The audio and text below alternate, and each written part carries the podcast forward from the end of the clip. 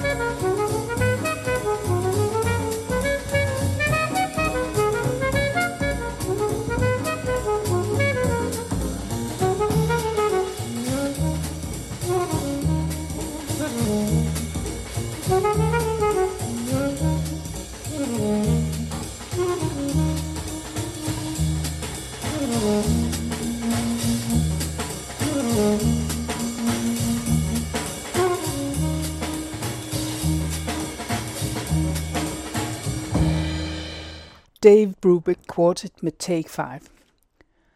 Og her kommer så en af tidens meget populære toner.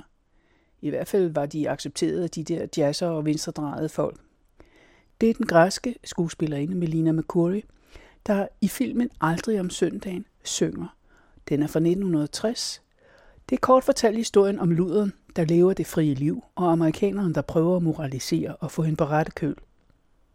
Musikken er en græsk sorber, der ruller sig ud med karakteristiske lyde fra strenge instrumentet. På billedsiden sætter Malina Makuri musikken på den lille rejsegrammofon. Så sætter hun sig på sengen og synger til. Hun tager et foto af fodboldholdet frem og kigger kælen på det og skælmsk på os. Hun læner sig tilbage i sengen og danser med overkroppen, der står i et lille overmøbleret og blomstret rum. Jeg mener, jeg har set det meste af filmen, men jeg var jo ikke så gammel. Det oser af passion og vildskab. En tidstypisk progressiv fortælling. Melina Mercouri blev bedste kvindelige skuespiller i Cannes det år 1960, og musikken er komponeret af Manos Hadjakis fik en Oscar. Mange af datidens mænd var bjergtaget med Lina Mercouri. Hun var flot og havde en intens og noget dyb stemme. Her kommer hun.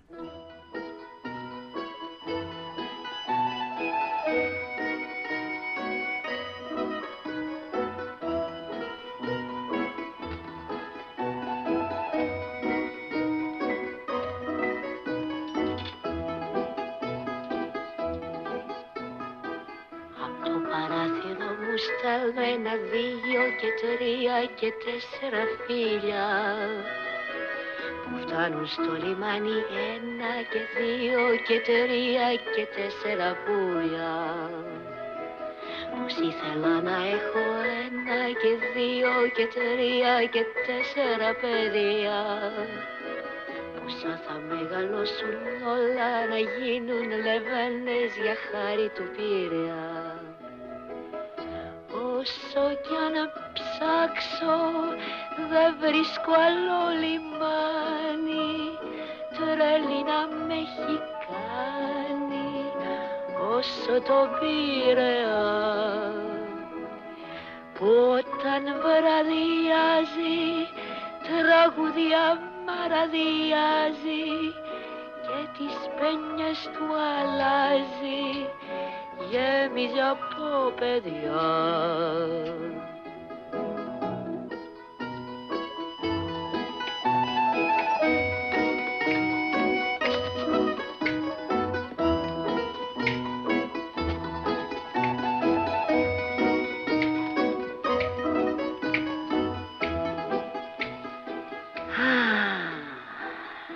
Από την πόρτα μου σαβώ δεν υπάρχει κανείς να μην τον αγαπώ.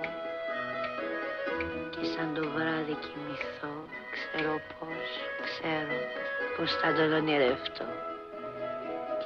Πετράδια βάζω στο λαιμό και μια χά και μια χάντρα φυλαχτώ. Γιατί τα βράδια καρτερώ στο λιμάνι σαβώ κάποιον άγνωστο να βρω Όσο κι αν ψάξω δεν βρίσκω άλλο λιμάνι. Τρέλη να με έχει κάνει όσο το πήρεα όταν βραδιάζει τραγουδιά μαραδιάζει και τις πένιες του αλλάζει. Γέμιζε από παιδιά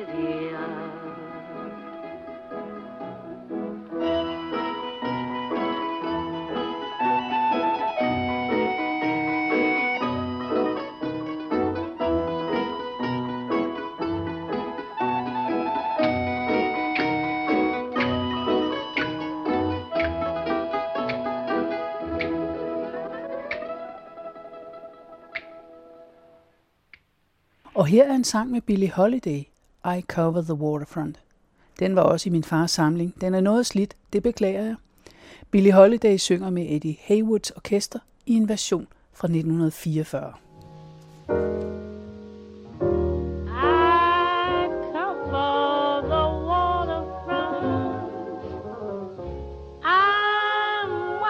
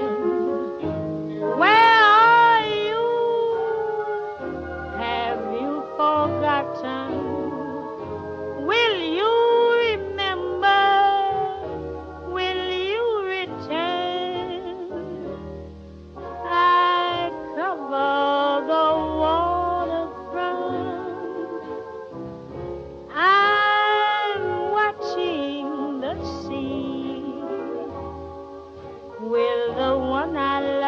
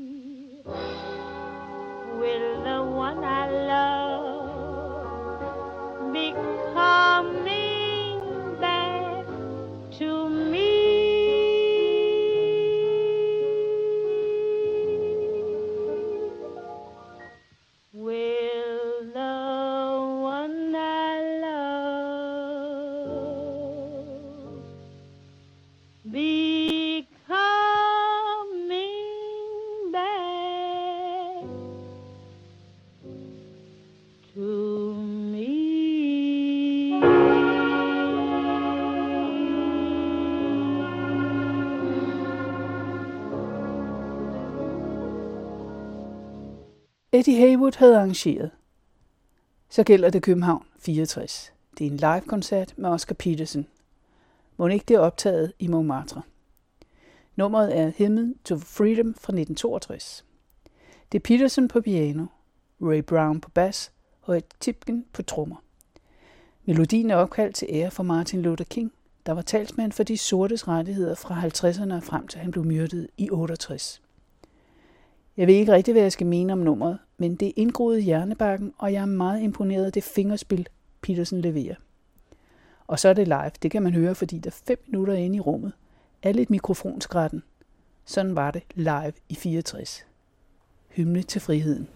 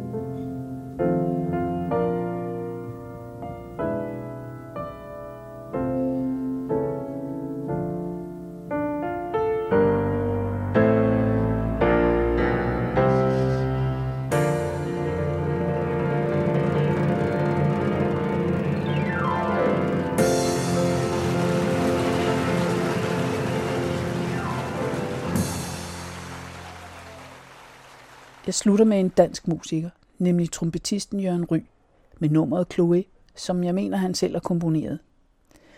Hans kvartet bestod af Jørgen Laversten på piano, Erik Museholm på bas og William Schioffe på trommer. Jørgen Ry var 27, da han indspillede nummeret første gang. Det er bare godt at vidne om et talent, der måske skulle være blevet i den boldgade. Hvem ved?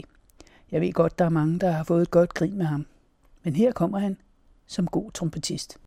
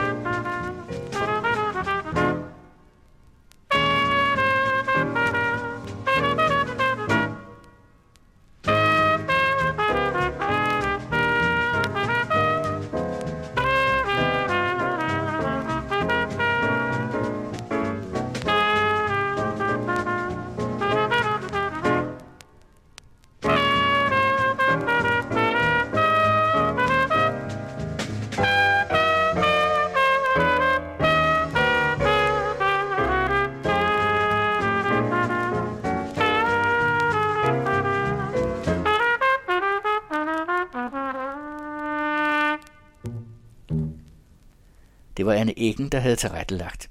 Tak fordi du lyttede, skulle vi hilse at sige. I øvrigt anbefaler hun at lytte til den næste udsendelse, Tonernes og rytmernes mystik. En samtale med hjerneforskeren Peter Wust. Det giver måske mere mening.